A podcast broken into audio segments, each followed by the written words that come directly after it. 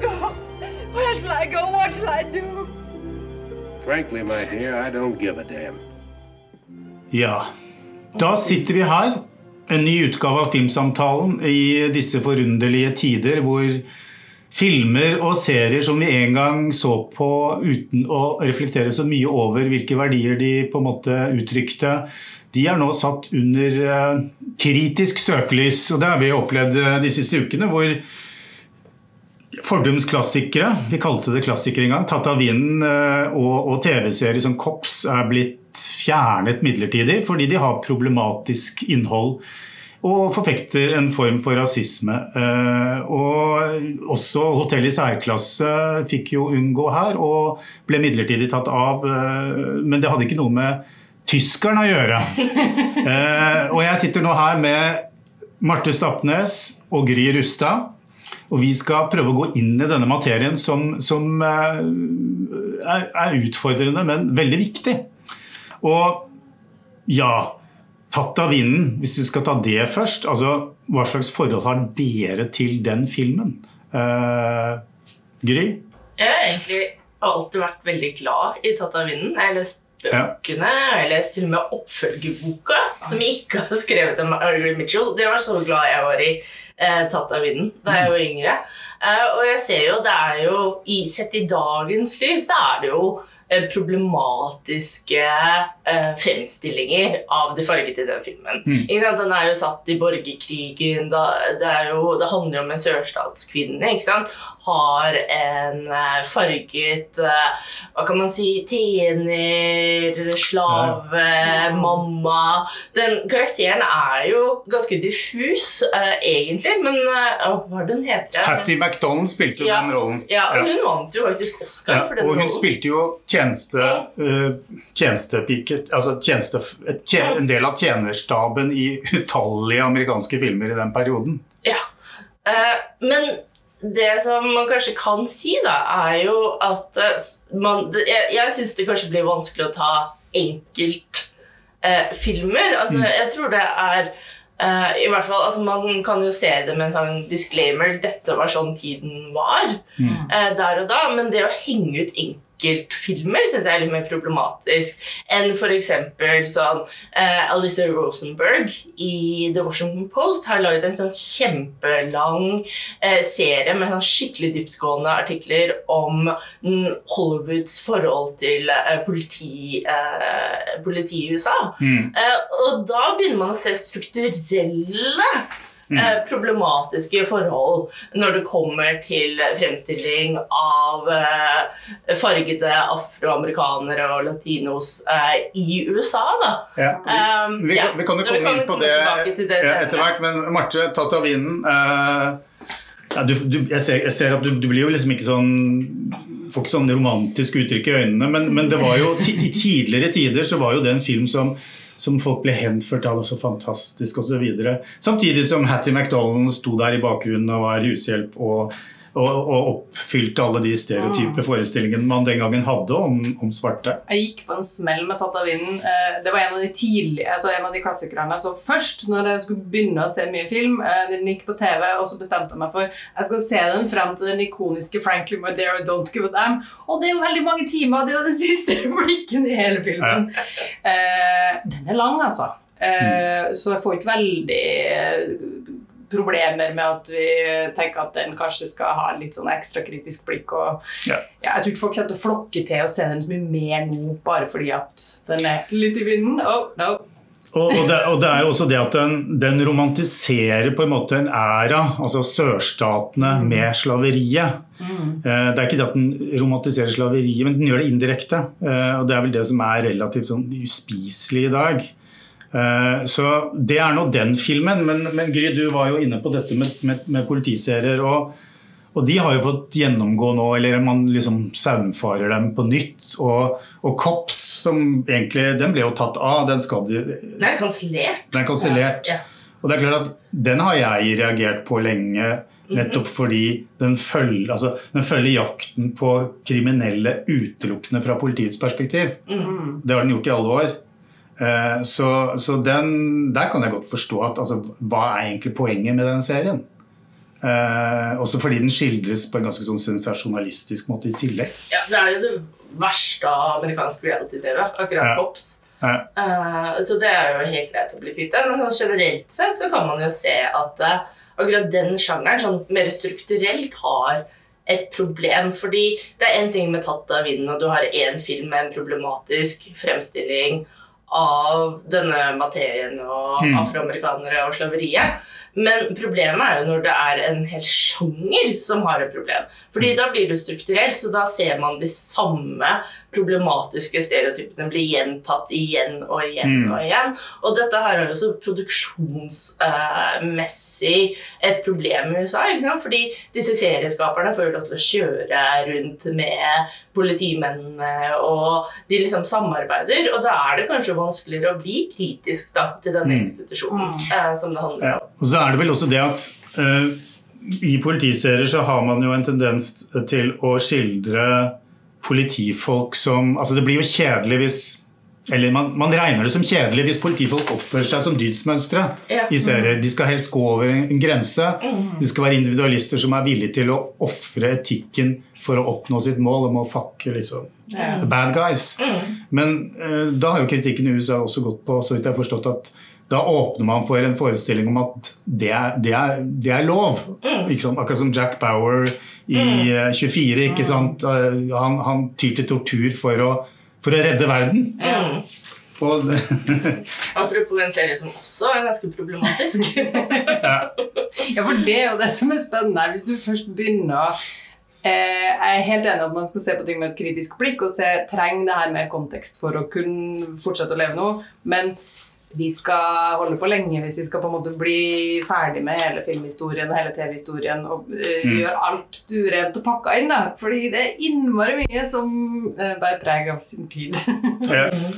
Men vi var inne på det der, altså hvor, hvor, skal, altså hvor skal dette ende? Altså fordi eh, dette, dette kommer jo i kjølvannet av en slags et opprør. Altså opprør mot politivold, opprør mot hvordan svarte, særlig i USA, opplever å, å bli behandlet. Men dette kom, skjer jo også litt sånn i kjølvannet av metoo, gjør det ikke det? Ja, og litt sånn cancel culture. Hva er det vi skal omgi oss med? Hvem er det som får lov å være på plattformen? på en måte? Hvem, Mm. ja, hvem skal bli hørt? Men mye av diskusjonen her handler jo om eh, når HBO sier ok, vi kan trekke den filmen og vi kan eh, legge til noe mer kontekst for å putte den ut igjen, så betyr det jo ikke at de bestemmer at en film ikke skal være tilgjengelig i det store og hele. Så det er jo ganske mye Du får jo tak i Tatt av vinden akkurat i dag, Mm. uavhengig av hva den ene plattformen gjør. Mm. Så det er jo interessant å se ok, BBC velger å gjøre det med en episode av Fawlty Towers, og det er liksom flere aktører som kan være med å bestemme hva akkurat de vil ha på sin plattform. Men Netflix kutter jo filmer eh, hele tida, fordi de vil jo ikke ha for mange der på samme tid. Mm. Så det er jo ikke som om det er en sånn overformynderi som kommer og sier nå skal den filmen ikke finnes, nå skal vi brenne alle kopiene av den. Mm. Det handler jo mer om liksom, hva skal finnes hvor. Mm. Går du på biblioteket, så er det kanskje mer forståelig at Min kamp er tilgjengelig enn hvis du handler på Amazon, at ikke alt skal være på alle plasser. Ja, for vi hadde jo en episode i fjor hvor, hvor Lene Riefenstahls 'Viljens triumf', eh, propagandadokumentar, som på mange måter er teknisk imponerende eh, altså propagandadokumentar for naziregimet. Altså den ble, ble fjernet av YouTube. Eh, mens 'Birth of a Nation', som jo er, har jo noe av den styggeste rasismen i noen amerikansk film, fortsatt ligger ute sist gang jeg sjekket. Eh, Men, men altså det å fjerne ting Jeg, jeg tenker som så at Hvorfor, hvorfor fjerne den, hvorfor, hvorfor kunne ikke YouTube være en kurator som setter den i kontekst, problematiserer den og peker på hva som er problematisk med den? Ikke sant? Hvor- hvor- Hvorfor ikke gjøre det? Der har jo en slags disclaimer eh, en viktig funksjon. Da, da kan vi jo lære noe av det. Ja, jeg er helt enig. Det var sånn, jeg husker jeg tok filmhistorie, sånn tidlig filmhistorie, uh, filmhistorie og da så vi jo Birth of a Nation. Mm. Og da var det, kom den jo selvsagt med masse disklemmer. sånn, så det var jo én kontekst, ikke sant? Det var Mm. filmvitenskap på universitetet, man lærer om det. Vi har også, jeg har også sett Viljens triumf i en lik setting, da. Mm. Og den ene norske propagandafilmen, uh, Unge viljer, har jeg også sett på universitetet. Ja. Eh, så da er det jo konteksten grei, men det som er, er jo Bird of a Nation blir jo fremdeles sett av klanen på klanmøter i USA. Og da blir jo kontakten ganske problematisk igjen. Mm. Og, det er jo, og det ser jeg jo at strømmetjenester kanskje syns er litt vanskelig. da. Altså De disclaimerne de gir, altså hvor godt fungerer det? Altså det kan, Disse filmene kan jo ligge ute på YouTube med alt det disclaimere, og likevel så kan jo klanfolk sitte og se på det og bare yeah! Ja.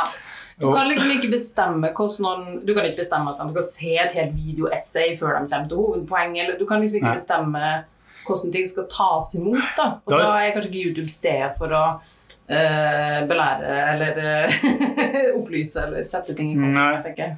Nei, altså i, i Spike Lees The Black Clansman så, så, så kontekstualiserer han jo på sin måte uh, Birth of a Nation. Altså og viser hvordan på en måte det er en del av Ku Klux Klans altså selvbilde. Og at den er viktig for dem. Mm. Og set, plasserer jo hele filmen i skammekroken. da. Og det er jo, en, det er jo en, en fin måte å gjøre det på. Eh, veldig sånn spissa retorisk, selvfølgelig. Men det spørs om YouTube, som du sier, Marte, har anser seg selv for å være en kurator som skal være aktiv i, i, på den måten. da. Så kanskje b- burde YouTube være det? det jeg vet ikke. Nei, kanskje de filmene skal leve livet sitt på sånn Criterion Channel eller et eller annet sted. Da, for, hvor det er liksom filminteresserte som går dit for å lære om film og forstå filmhistorien og forstå kontekstene. Eh, kan gå, og så kan YouTube slippe det, fordi det er jo ganske vanskelig for de å ha kontroll på hvem som ser, og i hvilken kontekst de ser, og hvordan de oppfatter ting. Og YouTube og for så vidt sånn Twitter og Facebook og har jo ikke vært førstemann til å ta det ansvaret. Hva vi har på plattformen vår, og hvordan skal vi stoppe det som ikke er så heldig der? Men vi, det er jo ikke så vanskelig å se for seg litt sånn tricky terreng etter hvert. Altså, for et par år siden så ble det jo produsert altså, Idet metoo-bølgen kom, så hadde Netflix produsert en biopic om, eh, om eh, hva skal vi si, det intellektuelle homseikonet Gore Vidal og Kevin Spacey skulle spille den rollen. Ja. Eh, Jeg tror at den filmen kunne vært interessant. Altså jeg, jeg er en fan av Gore Vidal, selv om han, altså han hadde jo en del synspunkter som, som ikke er stuereine i dag. Han var ve- veldig sånn elitistisk orientert. Men den ble da ferdig innspilt, men rett og slett kasta i søpla. Fordi det var ikke Netflix ville ikke vise den. altså Noen filmer med Kevin Spacey. Og det er jo det, er på en måte den ene, ene måten å gjøre det på. At du bare fjerner alt som er ubehagelig. Eh, jeg håper ikke vi får se så mye av det eh, fremover. Men altså, det kan jo skje. For jeg, jeg tror at Eller hva tror dere? Altså at film og serieskapere blir ekstra forsiktige. Og så har du den, den gode siden av det er at man tenker seg om. Mm. det er aldri feil. Eh, det som er mindre heldig, er jo at man, man blir ekstra forsiktig, og kanskje noen ganger for forsiktig. Og det, Det kanskje altså, jeg sier ikke at det er en akutt problemstilling akkurat nå, men, men, men eh, jeg, jeg lurer litt på eh, Man ser jo tegn til en viss Altså, altså hvor, hvor, hvor vil denne i anførselstegn sensuren stoppe, da? Jeg tenker jo at uh, dette her, at disse strømmetjenestene fjerner uh, titler og sånn Jeg har jo tenkt på det at dette her er bare en veldig veldig eh, billig måte mediekonsern viser at åh, vi bryr oss, vi er med dere i saken. Ja. Og så koster det det ikke noe som Nei. helst. Og, men de er jo ikke villige til å gjøre det som faktisk koster noe. Altså gå gjennom sine egne ansettelsesstrukturer og prosesser, skape innhold. For jeg tror ikke det blir sånn Jeg tror hvis de hadde vært flinkere til å ansette fargede, da, eh, og lage serier og filmer som handler om den problematikken, eh, så vil det være mye mer åpning. Altså trenger man kanskje ikke være så forsiktig, da. Det er jo mye enklere Mm. å lage film og fiksjon og serier fra det um, altså ståstedet selv, da, enn kanskje for en hvit, gammel mann å lage den samme historien. Da må man trå veldig forsiktig. Ja. mm. og, det tror jeg ikke sant? Det så jo Uh, den nye Spike Lee-filmen uh, på Netflix. No spoilers. Eh, og han kan jo ta i dette her mye mer direkte Mm. enn veldig mange andre regissører kan. Så det handler jo kanskje mer om hvem man slipper til, og hvem som skal få lov til å lage fiksjon fremover. Og så tenker jeg som vi har snakket om, at kanskje det som er aller mest problematisk altså Veldig mye vil jo ha noe problematisk ved seg, og vi er nødt til å lære ungdom at eh, tiden var annerledes før, og da hadde man sånne synspunkter både på eh, folk med en annen hudfarge, men også på kvinner, f.eks. Men det var liksom før. Eh, og at man kanskje har de mest problematiske titlene, da, som Birth of a Nation og kanskje ta vinden på mer sånn ordentlige filmkuratorsteder. Eh, hvor man kan lære den konteksten, og man går dit for å lære den konteksten. Og så kanskje disse mediekonsernene, da, superkapitalistiske mediekonsernene, skal slippe den oppgaven. Eh, at det ikke skal være deres jobb å ta det. Fordi jeg tror ikke det går. De er bare ute etter å tjene penger uansett. De er jo ikke der for å drive med folkeopplysning. Nei. Nei, for jeg tenker at man blir Jeg tror ikke en fare at man blir for forsiktig med det man lager nå, men man kan heller eh, tenke Ok, men skal vi fortelle den samme historien en gang til fra en eh, del av historien der vi later som det ikke fantes kvinner? Altså Kanskje kan vi få litt sånn nye historier inn? Mm. Og så er det da eh, fortsatt viktig For min del så er det veldig viktig å se eh, litt gamle filmer og veldig gamle filmer. At jeg Fy søren, er det så ferskt at vi har gått rundt og syntes at det her var greit? Mm. Det er nokså nyttig å kunne se sånn Å ja, det var veldig mye bra eh, komedie i Fawlty Towers, men hmm, det, vi skal ikke lenger tilbake, nei, for det var nokså stuerent. Mm. Eh, så det, det har ganske mye å si, da, og ikke bare sette strek overalt og, Mm. og glemme det. Men samtidig så Det er jo klart, det er jo ikke eh, Hele eh, opprørsperioden vi er i nå, handler jo litt om at det er jo ikke opp til de mest støvete eh, hvite folka å være sånn Nei, ikke ta på filmhistorien min, du skal ikke røre Nei, ja. Nei, ikke sant. Ja. Eh, eh, Rushbit har denne uken fått en rekke minoritetsfilmskapere i Norge til å komme med liste på filmer som har, som har omhandlet på en eller annen måte rasisme og fordommer, og som de relaterer seg til, og som har betydd noe for dem. Og det som slår meg, er jo at eh, det er jo fortsatt eller altså, i høyeste grad relevant hva man ser, og hvilke eksempler filmer kan på en måte eh, representere for, for unge mennesker. Altså fordi mange av de trekker da frem filmer og serier som, hvor de på en måte fikk en aha-opplevelse. At de følte at ja, nei, eh, hun er jo akkurat som meg, og det var første gang jeg så i, i en film eller i en norsk film. Altså, det betyr noe. eh, og de av oss som tilhører majoriteten, da. Ikke sant? Jeg og Marte altså Marte, du er jo trønder, men vi har, vel, vi har nok ikke opplevd rasisme. eh, Men Gry, som har en litt annen hudfarge, har kanskje gjort det, ikke sant? Ja da, det er Ja, ja, ja. absolutt. Så, sånn at, sånn at, sånn at det, det, og det endrer perspektivet. Eh, fordi jeg har aldri stilt spørsmålstegn med Jeg har alltid følt at ja, de fleste på film er jo som meg. Ja. Ikke sant? Mm. Og, og, så det er i høyeste grad fortsatt relevant, det med uh, å ha ikke gode forbilder på lerretet. De kan gjerne være dårlige, men at de på en måte er representerer noe kunstnerisk eller uttrykker noe av verdi på en eller annen måte. Ja, absolutt. Og det som også er litt problemet i Norge nå, er jo at det er altfor få av disse representasjonene. Så da får man jo det problemet med byrden av representasjon. Sånn som når Skam kom da, og Sana skulle være hovedkarakter, så forventet jo folk at hun skulle representere alt. Det ville si å være muslimsk ung kvinne i Norge i dag. Og det er jo helt umulig. Så det man trenger, er jo mange muslimske kvinnekarakterer som representerer forskjellige måter å være muslimsk kvinne på i Norge i dag. Fordi da er det jo ikke den der at én karakter må være alt, men at du ser at det er et stort mangfold. Altså, altså å være muslimsk kvinne i dag er som å være trøndersk kvinne i Norge i dag. Det er veldig mange forskjellige måter å være det på. Ja, ja. Nei, men jeg husker jo så langt tilbake som til når jeg var bitte liten på 70-tallet. Så så jeg på barne-TV, og da så jeg den serien Ante.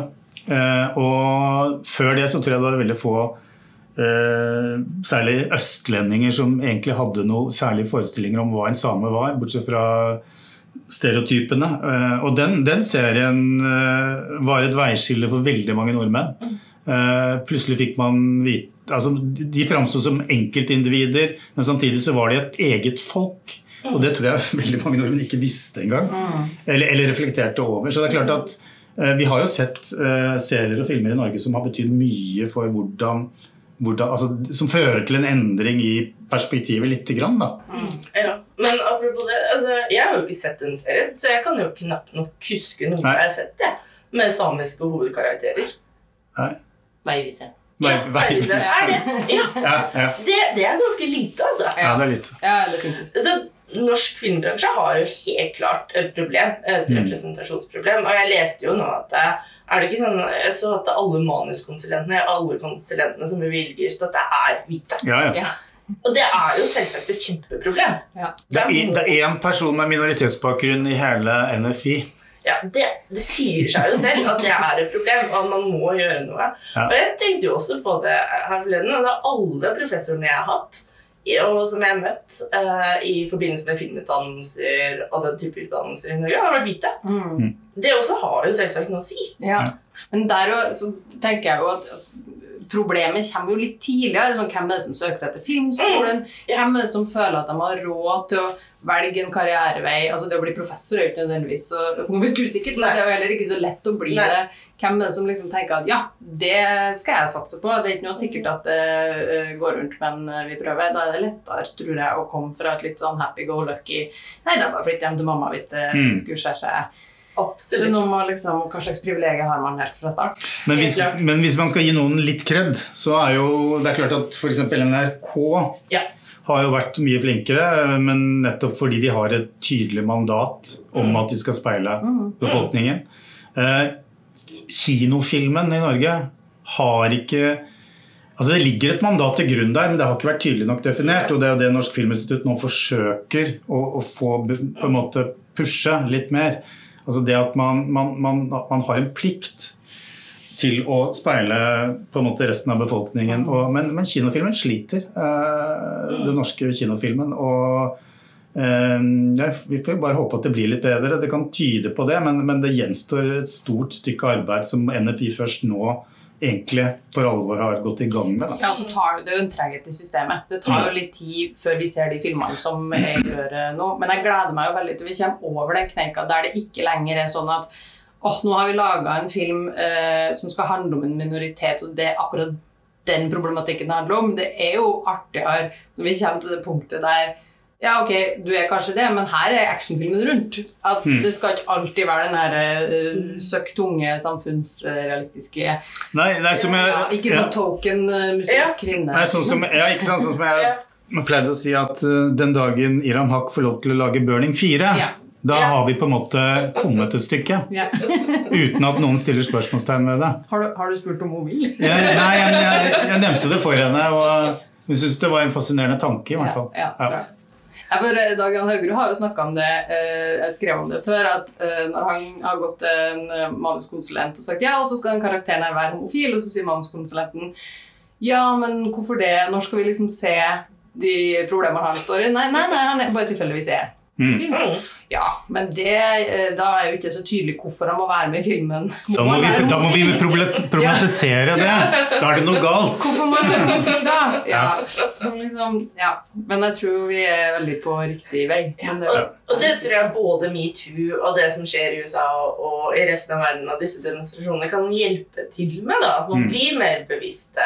Eh, folk vil tenke mer om det, og man kan kanskje se en endring. Og så vil det være vanskelige diskusjoner vi må ta eh, fremover, sånn som det er. Eh, men jeg tror og jeg håper at det vil føre til at det blir bedre på Mm. sikt. Jeg syns det var en veldig fin avslutning på denne samtalen. Eh, og da bare takker og bukker jeg Gry Rustad og Marte Stapnes. Jeg heter Kjetil Lismoen, og vi ses i neste episode av Filmsamtalen. After all, tomorrow is another day.